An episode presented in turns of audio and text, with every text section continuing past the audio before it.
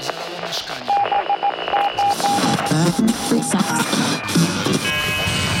Odsłuch społeczny. Witam w odsłuchu społecznym podcaście o tematyce społeczno-politycznej. Nazywam się Joanna Kotkowska-Pyzel, a naszą gościnią jest Anna Krawczak. Działaczka Stowarzyszenia Nasz Bocian, badaczka w interdyscyplinarnym Zespole Badań nad Dzieciństwem Uniwersytetu Warszawskiego, autorka szeregu książek na temat y, in vitro i na temat dzieciństwa, a także artykułów przedmiotowych, a przede wszystkim matka. Tematem dzisiejszego podcastu będzie opieka nad dziećmi pozbawionymi z różnych powodów pieczy rodziców biologicznych. Czy pani y, sprawuje, pani jest matką adopcyjną, z tego co wiem? Tak, i dzień dobry. Jestem matką chyba we wszystkich możliwych wydaniach i adopcyjną, i zastępczą, i biologiczną, i dzięki in vitro, bo mam czworo dzieci. Czego potrzeba dziecku pozbawionemu z różnych względów opieki rodzica biologicznego? Potrzeby dziecka, które z różnych powodów nie może być wychowywane przez swoich rodziców biologicznych, są takie same jak potrzeby każdego innego dziecka, czyli potrzebuje to dziecko rodziny. Po prostu. Nie zawsze może być to rodzina biologiczna, jak powiedziałyśmy, jeśli tak się zadzieje, że ta rodzina biologiczna z różnych powodów nie wchodzi w grę, powinna być to rodzina zastępcza, w tym również rodzina spokrewniona, czyli mogą być to krewni i bliskie osoby dziecku. Ponieważ człowiek do prawidłowego rozwoju, a przede wszystkim człowiek mały, potrzebuje środowiska rodzinnego i stałej, bezpiecznej więzi z tak zwanym opiekunem znaczącym, który będzie jedna i ta sama osoba, dostępna stale, w tym samym otoczeniu, nie zmieniająca się osoba na dyżurze, nie wychowawca, nie otoczenie instytucjonalne, tylko właśnie otoczenie domowe. Co oferuje nasze państwo dzieciom pozbawionym pieczy rodzicom rodziny biologicznej? Jak, jak jest u nas to rozwiązane? Nasze państwo poprzez ustawę o wspieraniu rodziny i systemie pieczy zastępczej preferuje rodzinną pieczę zastępczą. Oczywiście większość tych rodzin zastępczych tworzą faktycznie rodziny spokrewnione. One są tworzone przez dziadków dziecka bądź przez starsze rodzeństwo. Natomiast dalsi krewni, czyli ciocie, wujkowie, kuzyni, tworzą rodziny niezawodowe zastępcze, no ale de facto są to krewni dziecka, tylko po prostu nazywają się niezawodowymi rodzinami zastępczymi. Oprócz tego w tej grupie są również niezawodowe, zupełnie niespokrewnione rodziny zastępcze i rodziny zawodowe. I do takiej pieczy rodzinnej właśnie w domach trafia 74% dzieci. Natomiast reszta dzieci, ten pozostały odsetek, trafia do pieczy instytucjonalnej, którą w Polsce reprezentują przede wszystkim placówki opiekuńczo-wychowawcze, nazywane domami dziecka potocznie. Mogą być to również młodzieżowe ośrodki socjalizacyjne, młodzieżowe ośrodki wychowawcze. Część dzieci jest umieszczana w domach pomocy społecznej, w zakładach opiekuńczo-leczniczych, w różnych placówkach o różnych nazwach, nie będę ich wszystkich wymieniać, i to właśnie nazywamy pieczą instytucjonalną. Więc e, taka jest oferta mm, Polski. Wydawałoby się, że no i tak naprawdę jest, że piecza e, rodzinna dominuje. Natomiast e, ta proporcja 70 mm, z kawałkiem do 20 z kawałkiem to jest proporcja jakby nieeuropejska. Nie jesteśmy tutaj ani w czołówce, ani na specjalnie wysokim miejscu. Finlandia ma na przykład wskaźnik pieczy instytucjonalnej 3 do 5, bardzo podobny ma Australia, jeszcze niższy ma Kanada. Generalnie dąży się do tego, żeby jak najmniej dzieci trafiało do pieczy instytucjonalnej z taką opcją, żeby e, pieczy instytucjonalnej, ale rozumianej jako całodobowego pobytu dziecka nie było, bo to, że nie istnieją domy dziecka, to nie oznacza, że nie istnieje piecza instytucjonalna, tylko ona wtedy zmienia swoją funkcję. Przestaje być pieczą, czyli takim miejscem, które świadczy całodobową opiekę z noclegiem, z wichtem i z opierunkiem, e, a zaczyna być miejscem, w którym e, dzieci i rodziny otrzymują pomoc. Czyli jest to oferta instytucjonalna świadczona dla rodzin i dla dzieci, nie tylko zastępczych, ale przede wszystkim biologicznych, również adopcyjnych, gdzie takie rodziny i ich dzieci mogą znaleźć pomoc psychiatryczną, psychologiczną, terapię systemową, wsparcie, opiekę wytchnieniową, rehabilitację, czyli szereg różnych usług i ofert, które pozwalają zachować stabilność dziecka w rodzinie, no i przyczyniają się do tego, że te rodziny są po prostu trwałe, tak? Y, mamy, wtedy mamy mniej zerwanych rodzin, czy mniej złamanych rodzin. A czy takie wsparcie y, otrzymują rodziny zastępcze w Polsce? Nie. Wydaje mi się, że to jest w ogóle ciekawy kontekst ma to pytanie, bo mm, zdarzyło się akurat tak, że niedawno wdałam się w dyskusję z, pracownika, z pracownikami placówek opiekuńczo-wychowawczych, którzy właśnie wskazywali, że głoszenie haseł deinstytucjonalizacji, rozumianych jako no, wieloletnie oczywiście, bo to jest proces, ale jednak dążenie do tego, żeby nie było już tych całodobowych y, placówek, jest nierealne, dlatego że zawsze znajdzie się grupa dzieci, przede wszystkim nastolatków, które będą mieć poważne dysfunkcje, poważne zaburzenia zachowania, również y, będą mieć kryzys zdrowia psychicznego przewlekły, choroby przewlekłe, wysoką demoralizację itd., tak itd. Tak A więc to spowoduje, że no i tak nie znajdzie się dla nich chętna rodzina zastępcza. I dla mnie to jest bardzo interesujące, bo po pierwsze w polskim systemie wśród tych rodzin zawodowych, o których wspomniałam na początku, mamy taki twór, który nazywa się rodziną specjalistyczną.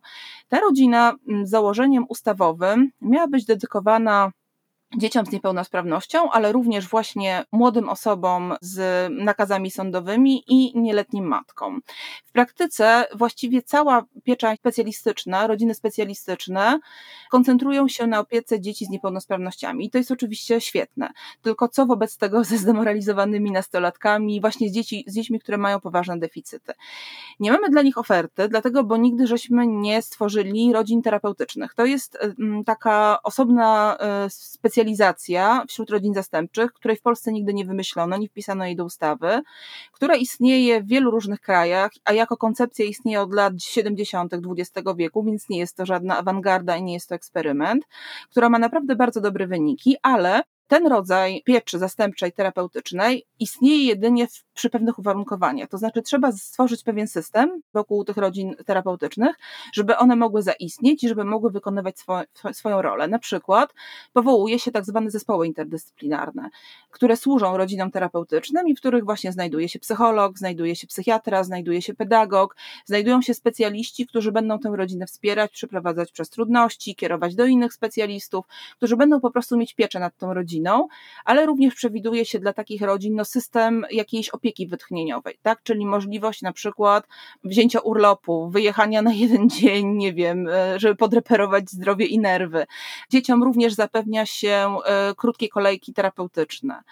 Trochę nie jest zagadką, że skoro czegoś takiego w Polsce nie mamy i rodziny zastępcze są pozostawione samym sobie w tym sensie, że kiedy problemy zaczynają się piętrzyć i wychodzimy poza standard problemowy, tak, standard trudności, no to właściwie to, co dalej zrobi rodzina zastępcza, jak sobie poradzi, zależy od niej. To ona musi sobie zmapować dostęp do specjalistów w Polsce, pojechać do nich, zrobić diagnostykę, zorientować się, jakie możliwości terapeutyczne istnieją, czy możliwa jest terapia traumy i tak co powoduje, że e, takie rodziny nie są stabilne i zdarzają się oczywiście w Polsce przerwania e, pieczy rodzinnej. Ich nie jest dużo, to jest mniej więcej 1,6% dzieci, które są umieszczone w rodzinach zastępczych, finalnie zrywa te rodziny, wychodzi z tych rodzin, czyli rodziny je oddają do placówek, można powiedzieć, więc to jest może mały odsetek, ale jest to rocznie około 900 dzieci, więc są to konkretne istnienia ludzkie, tak?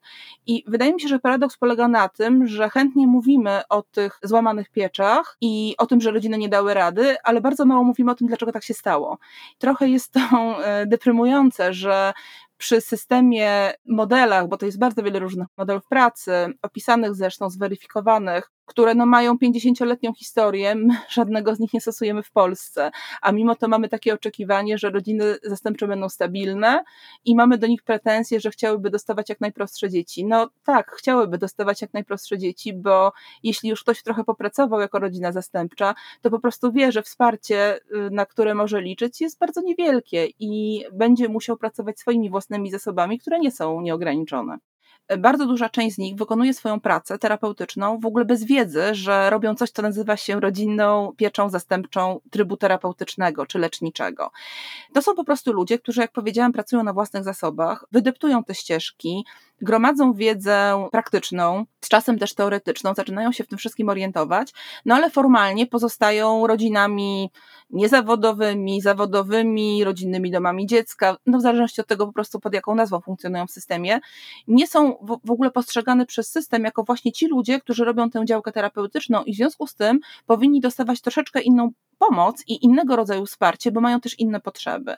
Więc takie rodziny są, one się dosyć szybko wypalają właśnie dlatego, no bo robią to w trybie chałupniczym, w tym sensie, że robią to sami, są do tego przekonani, są w tym dobrzy, no ale nie dostają tego wsparcia zewnętrznego, chociażby w postaci superwizji. Superwizja w Polsce, jeżeli chodzi o rodziców zastępczych, ale też jeżeli chodzi o pracowników socjalnych, to wciąż nie jest standard. To są praktyki, które czasami się wprowadza, bardzo często przez NGOsy, ale nie jest to jakby żadnego rodzaju standard czy postulat wpisany ustawowo, czy nawet w rozporządzenie, czy w takie lokalne praktyki, ale powiedzmy na poziomie województwa. No to trochę niepokojące. A proszę mm, powiedzieć, czy nawet przy takim prostym założeniu, że do, do rodziny zastępczej trafia dziecko, wymagające y, opieki i pieczy, ale niespecjalistyczne, nie jest to dziecko, które jest w jakiś sposób chore lub wymaga pomocy specjalistów.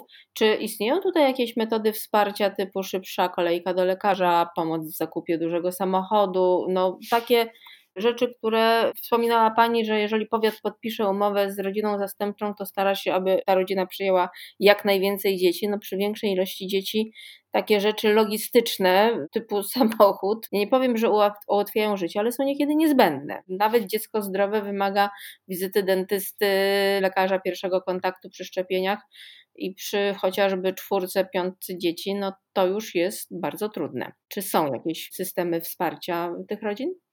Nie. Nie ma, nie ma takich systemów. Ja lubię tutaj opowiadać zawsze historię znajomej e, rodziny zastępczej. Ona to jest pewnego rodzaju ekstremum, ale ono jest reprezentatywne. To znaczy nie jeżeli chodzi o liczbę dzieci, bo ta rodzina ma ich akurat 15. Oczywiście w tej grupie są też dzieci dorosłe i usamodzielnione, ale jest też 11 dzieci młodszych która po pierwsze od lat wykonuje funkcję niezawodowej rodziny zastępczej, co jest de facto niezgodne z prawem, bo ona powinna mieć od dawna podpisaną umowę o zawodowstwo, ale powiat się nie może zdecydować od 11 lat i po prostu ucieka przed tym i jak widać jest to możliwe. To znaczy nie jest możliwe wymożenie na powiecie i zmuszenie go do tego, żeby zrobił to, co jest jego obowiązkiem ustawowym, no ponieważ e, akurat piecza jest zarządzana na poziomie samorządowym. Mamy oczywiście centralną ustawę, która to reguluje, no ale egzekwują ją, wykonują powiaty, czyli właśnie władze samorządowe i tu po prostu samorząd nie chce tego zrobić, no i jakby nic się z tym nie zrobi. W tej sprawie w ogóle interweniowało wielu różnych polityków, łącznie z kancelarią prezydenta, i okazało się, że i oni nie są sprawczy. I ta rodzina zastępcza przy, no właśnie, 11 dzieciach, które jeżdżą do szkół, jeżdżą na terapię, mają rehabilitację, jeżdżą do przedszkoli, no po prostu posiłkuje się samochodem osobowym, którym rozwozi dzieci na trzy tury, mimo tego, że ja to sobie kiedyś liczyłam, jakby średni koszt utrzymania dziecka w rodzinie zastępczej niezawodowej w 2019 roku wyniósł 1114 zł.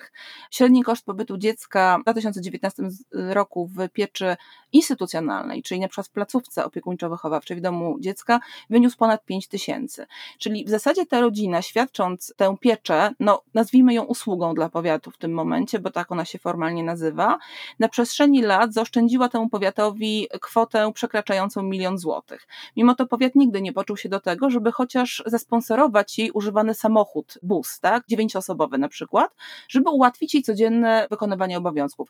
Ona jest tym wszystkim sama i właściwie to od jej pomysłowości, zasobów, życzliwości znajomych zależy, czy sobie poradzi, czy nie. No więc radzi sobie na przykład tak, że niedawno przyjaciółka wypożyczyła jej na trzy miesiące busa, więc przez te trzy miesiące dzieci mogły być zawożone na jedną turę. No ale potem bus trzeba było zwrócić, więc wróciła do schematu y, trzech, trzech tur y, rozwożenia rano i trzech tur przywożenia po południu. I takie rzeczy są zupełnie przezroczyste, mam wrażenie, dla decydentów, bo dotyczą spraw codziennych, które się wydają trywialne, ale z perspektywy człowieka, który robi tę pracę, który jest takim rodzicem, który robi ją od lat i cały czas jest tak samo, to jest w zasadzie takie ciągłe tkwienie w komunikacie, które się dostaje regularnie, że jest lekceważony, praca, którą wykonuje, nie jest doceniana, przy jednoczesnej świadomości, że gdyby te dzieci były w placówkach, to powiat nie zawahałby się w te dzieci inwestować. Ale w rodzinnej pieczy zastępczej, e, która no, jakby jest wspierana na poziomie ustawowym i słyszymy cały czas zapewnienia ze strony ministerstwa, że to jest priorytetowa piecza, pozostaje to właściwie jedynie na papierze, a reszta jest już sprawą ludzi pojedynczych, czyli po prostu rodzin zastępczych. Pani powiedziała rodzina zawodowa, niezawodowa. Czym się one różnią? Nie będę cytowała ustawy, powiem, e, czym one się różnią na takim poziomie e, codziennym. Rodzina zawodowa jest rodziną, która pracuje właśnie w oparciu o umowę. To jest zawsze umowa zlecenia, czyli umowa śmieciowa, bez osłon i stawka ustawowa miesięczna, czyli pensja dla opiekuna, który staje się wtedy pracownikiem, wynosi 2400 zł brutto. Jest to mniej niż najniższa krajowa. Ta kwota nie jest aktualizowana, tak? Natomiast rodzina niezawodowa to jest rodzina, która pracuje w trybie wolontarystycznym. Ona w ogóle nie dostaje pensji. Wobec rodziny niezawodowej jest oczekiwanie, ono jest zresztą egzekwowane, bycia zatrudnionymi przez oboje opiekunów, jeżeli to jest małżeństwo albo para, albo no jeżeli to jest osoba samotna, no to wiadomo, ona też musi się wykazać zatrudnieniem, co powoduje, że staje się to po prostu szlachetnym wolontariatem, który opiera się wtedy tylko i wyłącznie na świadczeniach na samo utrzymanie dziecka. One wynoszą 1052 zł. E, miesięcznie na każde dziecko, czyli znowu bardzo duża dysproporcja wobec placówek. No i tak to się kręci, czyli właściwie można powiedzieć, że w takiej perspektywie społecznej zatrudnienie w dyskoncie jest propozycją o wiele bardziej atrakcyjną finansowo, ale też atrakcyjną bardziej w kontekście prawa pracy, ponieważ no, zapewnia na przykład umowę o pracę i zapewnia te osłony i bezpieczeństwo socjalne, o którym powiedziałam. W przypadku rodziny zastępczej mm, na coś takiego nie można liczyć i właściwie Y, piecza rodzinna funkcjonuje trochę poza kodeksem pracy. To jest taka hybryda, której w ogóle polska rzeczywistość prawna nie rozpoznała, no bo nie mamy takiej sytuacji, w której praca świadczyłoby się 24 godziny na dobę przez 7 dni w tygodniu. Rodzinna piecza zastępcza jest jedyną taką sytuacją. I oczywiście nie mm, oznacza to, że należałoby kodeks pracy zmodyfikować w takim kierunku, żeby wprowadzić taką możliwość pracy, bo nie wątpię, że wielu pracodawców chciałoby z niej skorzystać, tylko raczej należałoby pomyśleć nad y, zadedykowaniem konkretnie właśnie rodzicielstwu zastępczemu jakiejś innej formy, która by została przewidziana kodeksem pra y, pracy, ale która by gwarantowała jednak większą stabilność i bezpieczeństwo dla osób, które podejmą się takiej roli czy funkcji w swoim życiu. Odsłuch społeczny. A dlaczego samorządy, chodzi mi o ten przypadek, na przykład, o którym pani mówiła, że powiat od wielu lat zwleka z zawarciem z, z osobą, która opiekuje się 11 dzieci, umowy o wykonywanie pieczy zastępczej? W tym przypadku wydaje mi się, że dlatego, mm, ponieważ tutaj starosta się jasno wypowiedział, że on nie rozumie tego problemu, no bo nie po to były budowane domy dziecka, które są zresztą nowoczesne w tym powiecie i mm, w związku z tym uznaje się, że to są po prostu bardzo dobre miejsca pobytu dla dzieci, żeby teraz sobie zaprzątać głowę tym, czy jakaś matka ma umowę, czy nie ma umowy, bo to, co to za problem, po prostu te dzieci mogą pójść do domu dziecka. To jest jakieś rozpoznanie, które wydaje mi się bardzo trafne w gruncie rzeczy i bardzo głębokie i wcale bym go nie lekceważyła, bo wydaje mi się, że sytuacja pieczy rodzinnej w Polsce wygląda dlatego tak, jak wygląda, bo nie ma, czy jest bardzo niskie zrozumienie tego, czym jest rodzina zastępcza versus placówka dla dziecka jaka jest perspektywa dziecka w tym wszystkim, czego potrzebuje dziecko i że to są sprawy bardzo poważne, których skutki długoterminowe są odczuwalne. To znaczy, przy, przypomniał mi się teraz przykład, przykład Kanady, on nie jest jedyny. Australia ma bardzo podobne doświadczenie. To są oczywiście kraje, które od Polski różni bardzo dużo, między innymi historia i to, że my jednak nigdy nie byliśmy krajem kolonialnym. Te dwa kraje były.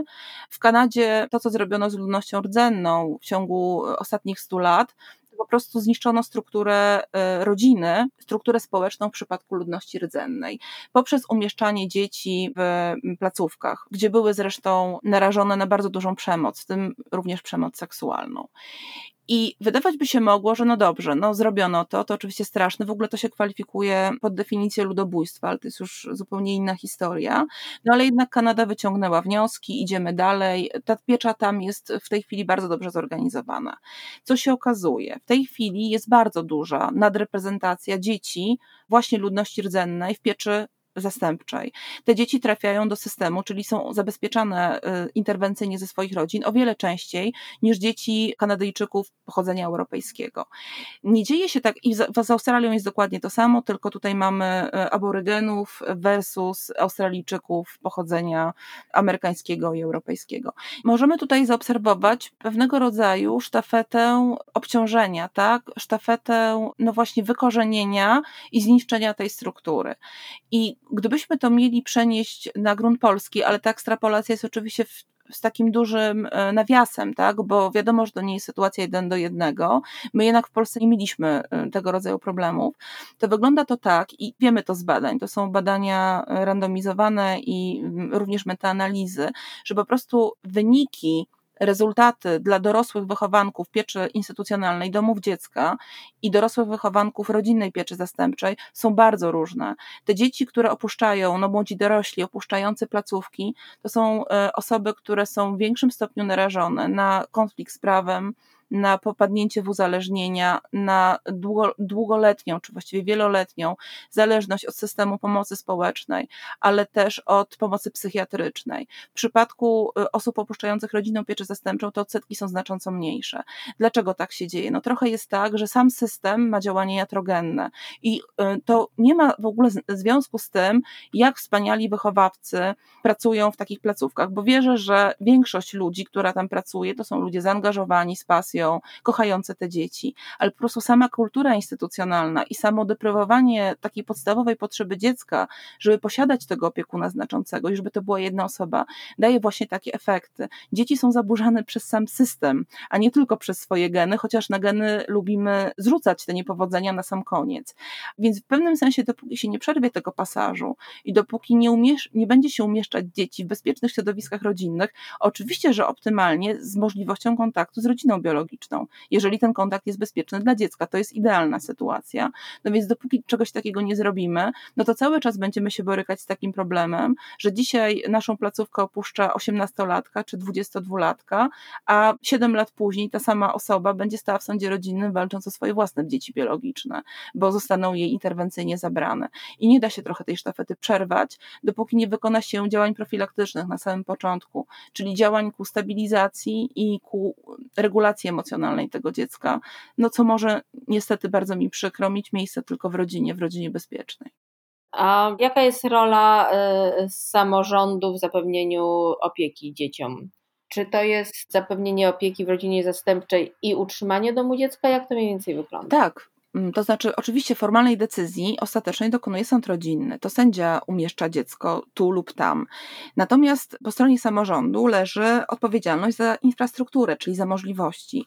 Są powiaty, które opierają się no, niemal wyłącznie na pieczy instytucjonalnej i są też takie powiaty, które opierają się na pieczy rodzinnej. Na przykład Konin jest takim miastem, które ma wyłącznie rodziny zastępcze. On, Konin po prostu nie umieszcza dzieci w pieczy instytucjonalnej i y, dotyczy to również nastolatków. Po prostu stworzył sobie takie zasoby i te rodziny zastępcze ma, bo w nie inwestuje, bo jest to jednym z priorytetów lokalnej polityki. Jest Gdynia, która ma domy dziecka, ma ich mało. W tej chwili są to trzy lub cztery placówki, to są w ogóle małe placówki, przeznaczone dla dzieci starszych, ale Gdynia wychodzi z trochę innego założenia. W przypadku tego miasta to jest w ogóle bardzo starannie zaplanowany wieloletni proces, który oni zaczęli od samego początku, czyli nie skupili się tylko na tym, żeby pozyskać rodziny zastępcze, bo z tego nic nie wyjdzie, tylko skupili się na tym, żeby najpierw zbudować bazę, bazę. I zbudowali tę bazę, jeżeli chodzi o, dzieci, chodzi o dzieci z niepełnosprawnością, jeżeli chodzi o dzieci małe i młodsze. Te dzieci są w rodzinnej pieczy zastępczej. Natomiast wychodzą z założenia, że dopóki nie zbudują właśnie takich centrów wsparcia, o których mówiłam na początku, czyli takiej kompletnej bazy, do której rodzice zastępczy, opiekunowie zastępczy, dzieci bardziej wymagających, ze szczególnymi potrzebami, leczącymi się psychiatrycznie i tak dalej, nie będą mogli przyjść, nie będą mogli uzyskać tam pomocy po to, żeby po prostu utrzymać stabilność tej rodziny, no to nie będą na razie rezygnować z tych placówek, bo najpierw muszą zbudować tę bazę wsparcia. I wydaje mi się, że oczywiście z jednej strony chciałabym, żeby to było tak, że na stryknięcie palcem przenosimy dzieci z placówek do rodzin, ale tego rodzaju podejście jest bardzo i lekkomyślne i naiwne, bo wtedy to nie zagra. Żeby to mogło zagrać, to musi być stworzona baza i musimy po prostu wiedzieć, w jakim kierunku zmierzamy i też co mamy na stole, tak? Czyli jaką infrastrukturę przygotowaliśmy dla tych dzieci i dla tych rodzin, no bo to nie jest sztuką umieścić dziecko w rodzinie zastępczej, sztuką jest sprawić, żeby ta rodzina przetrwała to i żeby dziecko mogło w niej albo dotrwać do pełnoletności, jeżeli akurat w niej zostanie, albo po prostu być sprawnie adoptowane, co też nie będzie trwało pięciu lat, tylko zamknie się jednak w roku, bądź maksymalnie w półtora roku. Pani wspominała, że sąd decyduje o tym, gdzie zostanie przekazana piecza nad dzieckiem. Czy do instytucji, czy do rodziny zastępczej, ale rozumiem, że jeżeli powiat nie zadeklaruje, że posiada rodzinę zastępczą chętną przyjąć to dziecko, to sąd wyjścia nie będzie miał specjalnie. To jest w ogóle bardzo ciekawa kwestia, ponieważ kiedy ja w ogóle zaczynałam się zajmować tą, tą sprawą i zresztą to samo zaskoczenie przeżyłam przy adopcji, wydawało mi się, że istnieje coś takiego w przypadku dzieci adopcyjnych jak baza centralna, do której na przykład, nie wiem, ośrodek adopcyjny w Słupsku wchodzi i widzi, że y, na dzień, nie wiem, 17 grudnia 2020 roku w tej bazie znajduje się powiedzmy 400 dzieci z uregulowaną sytuacją prawną, może sobie sprawdzić PESEL, wiek, oczywiście to jest baza e, zamknięta, dostępna jedynie dla osób uprawnionych i tak dalej, i tak. I podobne wyobrażenie miałam, jeżeli chodzi o rodzinną pieczę zastępczą, czyli jakiś sędzia sądu rodzinnego, nie wiem, w Zielonej Górze wklepuje do systemu hasło i wyświetla mu się baza dostępnych rodzin zastępczych, zawodowych, niezawodowych na terenie danego miasta. Otóż, jeżeli chodzi o adopcję, wygląda to tak, że jeżeli ośrodek jeden tak, nie znajdzie rodziców dla danego dziecka, no to ma obowiązek przesłać dokumentację tego dziecka na poziom wojewódzki, a jeżeli województwo zawiedzie, to na poziom centralny. Ta dokumentacja ma formę analogową. To są po prostu kserowane kartki papieru, które są następnie pakowane w teczki papierowe i rozsyłane po innych ośrodkach z danego województwa. W przypadku rodziny pieczy zastępczej jest bardzo podobnie. Sąd dysponuje listami, jeżeli w ogóle, które da mu organizator. Organizator może w tych listach uwzględnić jedynie rodziny zawodowe albo na przykład trzy rodziny niezawodowe, ale nie ma czegoś takiego jak centralny system. Wydaje mi się to czymś e, niepojętym, bo żyjemy w świecie, który jest w dużej mierze cyfrowy, tak? Bardzo wiele danych mamy zdigitalizowanych i wydaje nam się to czymś oczywistym i naturalnym. W przypadku adopcji, w przypadku pieczy rodzinnej, żyjemy trochę w latach 90. XX wieku, gdzie takie rzeczy wydawały się wielkim wow i były zupełnie niedostępne. Mamy rok 2020 i nadal jest tak samo. W związku z tym, jeżeli uświadomimy sobie, że to tak wygląda i to się naprawdę opiera o tekturę, o papier i o klejenie na ślinę, to trochę trudno nie zrozumieć, dlaczego ten system jest tak dalece niedrożny, dlaczego tak wiele dzieci utyka w pieczy, dlaczego sprawy adopcyjne potrafią się ciągnąć kilka lat. Właściwie to nie są sprawy adopcyjne, tylko właśnie sprawy pieczowe, czyli pozbawienie rodziców władzy rodzicielskiej czy ograniczenie. Są sytuacje, w których dzieci są zawieszane w systemie po 8, po 10, po 12 lat i one gdzieś giną. Podobnie jak dzieci, które są uwolnione do adopcji, których teczka po prostu się zawieruszy. Może się tak zdarzyć. Albo pani Halinka, która odpowiada za archiwum i ma wszystko w jednym palcu, złamie nogę i po prostu przez dwa miesiące nie przyjdzie do pracy, albo pójdzie na urlop macierzyński. Wydaje mi się, że uświadomienie sobie skali tego wszystkiego i tego, jak to działa, naprawdę rozsadza mózg w pewnym momencie. Jak mogliśmy do czegoś takiego dopuścić i jak w ogóle możemy tolerować taki stan rzeczy, a jednak tak się dzieje.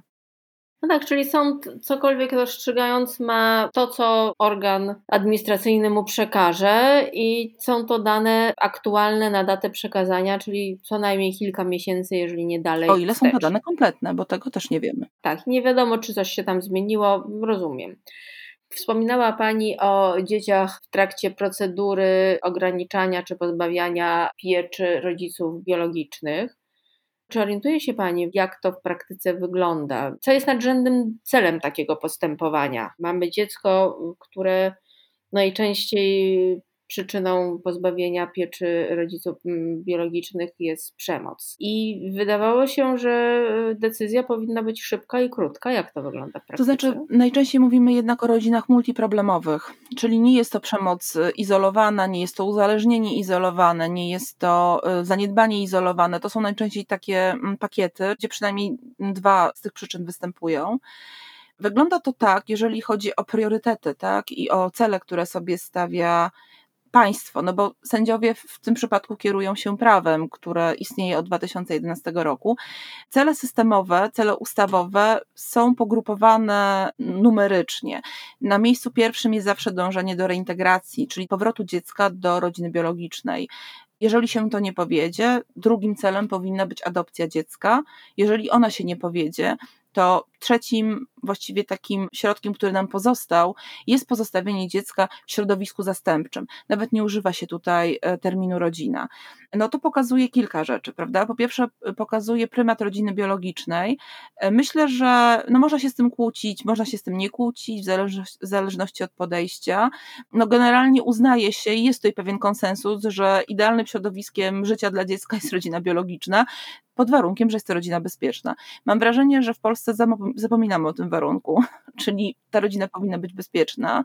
Samo DNA i samo pokrewieństwo naprawdę niczego nie gwarantuje. Poza tym, że jest pokrewieństwem i DNA, relacje i bezpieczeństwo leżą gdzie indziej. Oczywiście najczęściej towarzyszy, towarzyszy im również pokrewieństwo, ale to w ogóle nie jest warunek sine qua non.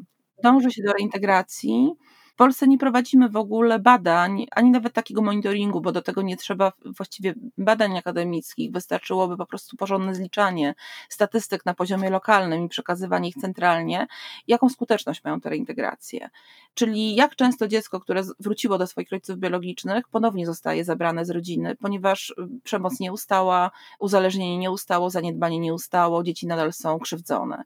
Wiemy z badań z innych krajów, przede wszystkim z Wielkiej Brytanii, ale one są też prowadzone w Stanach Zjednoczonych, że te reintegracje się udają rzadko. I jeżeli są to badania pionowe, czyli obserwują taką rodzinę w perspektywie pięciu lat, to po pięciu latach 70% takich reintegracji, ponad 70%, kończy się ponownym rozpadem rodziny. Czyli dziecko zostaje narażone na wtórną krzywdę, co oczywiście sprawia, że szanse tego dziecka tak, na prawidłowe zafunkcjonowanie zmniejszają się, bo system już raz je zawiódł i dorośli kolejny raz je zawiedli.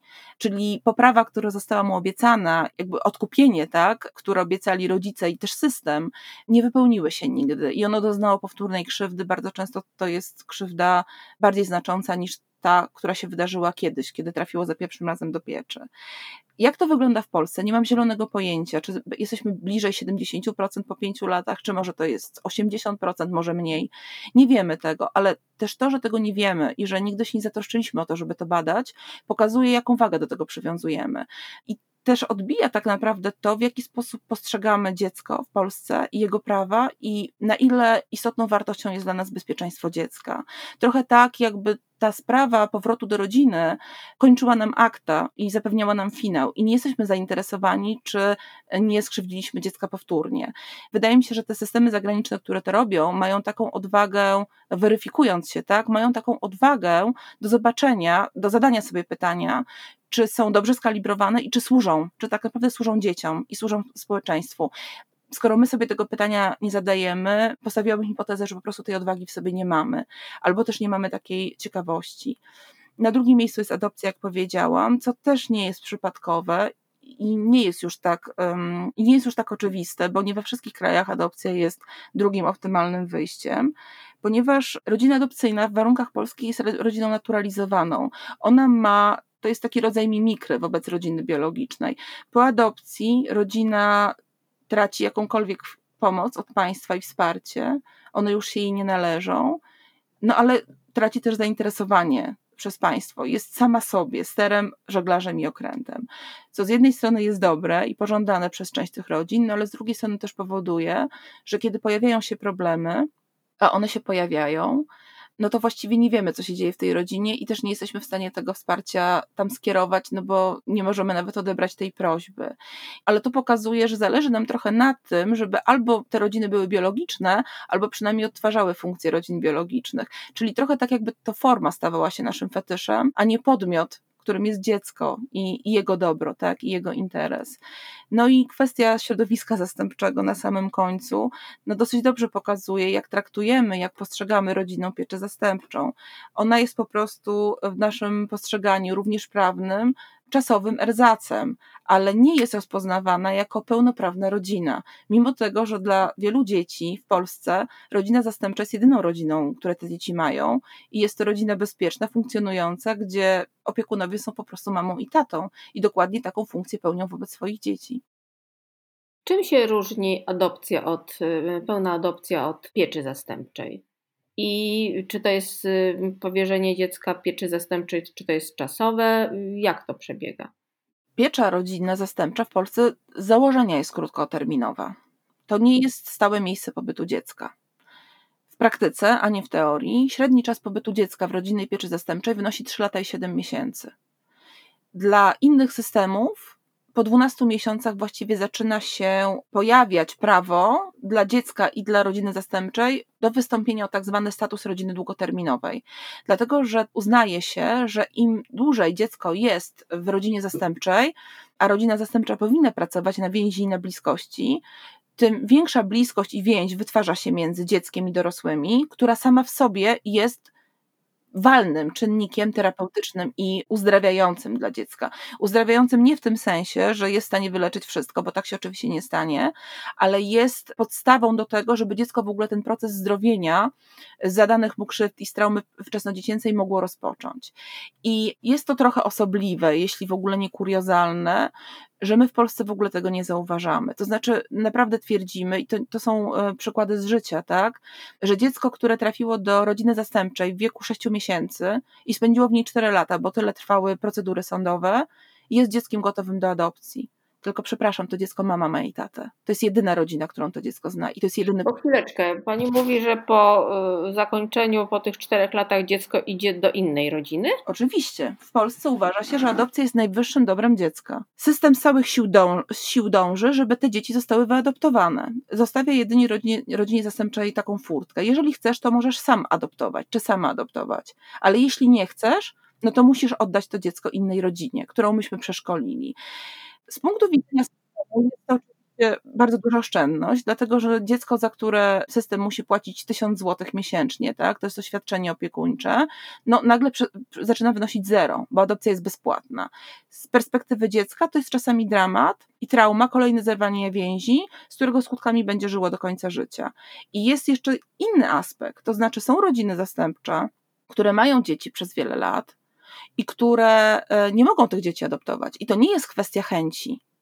One po prostu nie mogą tego zrobić, bo jeżeli mają czworo dzieci własnych, biologicznych czy domowych, jakkolwiek je nazwiemy, trafia do nich kolejne dziecko w piecze, jest przetrzymywane przez system kilka lat, bo tak po prostu jest, i pokazują to badania Aliny Prusinowskiej-Marek, że mamy potworny problem z zablokowaniem sądów i z tym, jak długo trwają sprawy, na przykład w Wielkiej Brytanii te sprawy muszą trwać 26 e, tygodni z przedłużeniem do 5. I nie ma, że się nie zakończą w tym czasie. Dziecko musi mieć uregulowaną sytuację. Jeśli wraca do rodziny biologicznej, świetnie. Jeśli ciocia przejmuje opiekę, doskonale. Jeżeli pojawią się dziadkowie, ekstra. Jeżeli będzie adopcja, też fajnie, ale jeżeli to dziecko będziemy przetrzymywać dłużej, to po prostu nie łammy mu życia kolejny raz i pozwólmy mu zostać z, z, ludźmi, z którymi się związało. W Polsce to nie działa. My nie mamy w ogóle rozpoznania permanencji, nie mamy rozpoznania stabilizacji. Więc ta rodzina hipotetyczna, która ma czworo dzieci w domu i przyjęła to piąte, po czterech latach dostaje ultimatum. Albo adoptujecie to dziecko, albo my je wam po prostu zabierzemy i je wyadoptujemy do innej rodziny. Więc ta rodzina mówi, dobra, okej, okay, to je adoptujemy, nie pozwolimy na jego krzywdę no ale potem przyjmuje kolejne dziecko. I za kilka lat dostaje dokładnie taki samo ultimatum. A jeśli to jest dziecko siódme, ósme albo dziewiąte, jakby jakie mamy oczekiwania tak naprawdę realne wobec ludzi? Uważamy, że rentierzy się będą zajmować y, pieczą i adopcją. To jest coś głęboko niemoralnego, że zaczynamy szantażować rodziny zastępcze dobrem dziecka, z którym są związani i które chcą reprezentować, a które często są zmuszani no, sprzedać, tak? Dlatego, ponieważ nie stać ich na to, żeby to dziecko adoptować, a akurat nie uzyskali statusu opiekuna prawnego dziecka i nie mogą tej adopcji zablokować. I oczywiście ta sytuacja, o której mówię, dotyczy większości dzieci małych, i dzieci, które są względnie zdrowe, ale znam rodzinę zastępczą, która dostała takie ultimatum w przypadku dziecka z zespołem Downa, które przyjęła do swojej rodziny zastępczej. I mimo to system nalegał, żeby to dziecko adoptowała choć doskonale wiedział, no, że niestety na, mm, nie chcę podawać tutaj ani płci dziecka, ani jego wieku, ale było bardzo mało prawdopodobne, że akurat e, znajdą się kandydaci na rodziców adopcyjnych. Ale to pragnienie, żeby zwolnić siebie, czyli swój powiat, z obowiązku wypłacania świadczeń na to dziecko, był tak przemożny, że to nie powstrzymało powiatu przed postawieniem tego szantażu te pieniądze, o których powiedziałam, to świadczenie jest potrzebne bardzo dzieciom, nie rodzinom. To są pieniądze, za które kupuje się terapię, kupuje się rehabilitację, kupuje się zajęcia dodatkowe, dzięki którym te dzieci mają szansę lepiej zafunkcjonować. Więc czasami wybór pomiędzy pieczą zastępczą adopcją jest wyborem pomiędzy utrzymaniem dziecku takiego poziomu y, i jakości opieki, jaką otrzymywało cały czas, no a pauperyzacją rodziny, która zaskutkuje stratą tego dziecka, bo na przykład trzeba będzie odłączyć e, terapię traumy, która jest terapią prywatną, albo trzeba będzie wyłączyć hipoterapię, albo nie wiem, e, terapię integracji sensorycznej czy czegokolwiek. I to są dramatyczne wybory, które mam wrażenie, że one gdzieś znikają. To znaczy, zupełnie jakby system się tym nie przejmował, albo o tym nie wiedział, albo zamykał na to oczy. Ja dziękuję serdecznie za rozmowę. Dziękuję i do widzenia. To był kolejny odcinek odsłuchu społecznego podcastu o tematyce społeczno-politycznej. Rozmowę prowadziła Joanna Kotkowska-Pyzel, wydawcą podcastu jest Jakub Psitarski, a zmontował Robert Gańko. Wszystkie nasze podcasty znajdziecie na YouTube, Spotify i innych popularnych platformach podcastowych.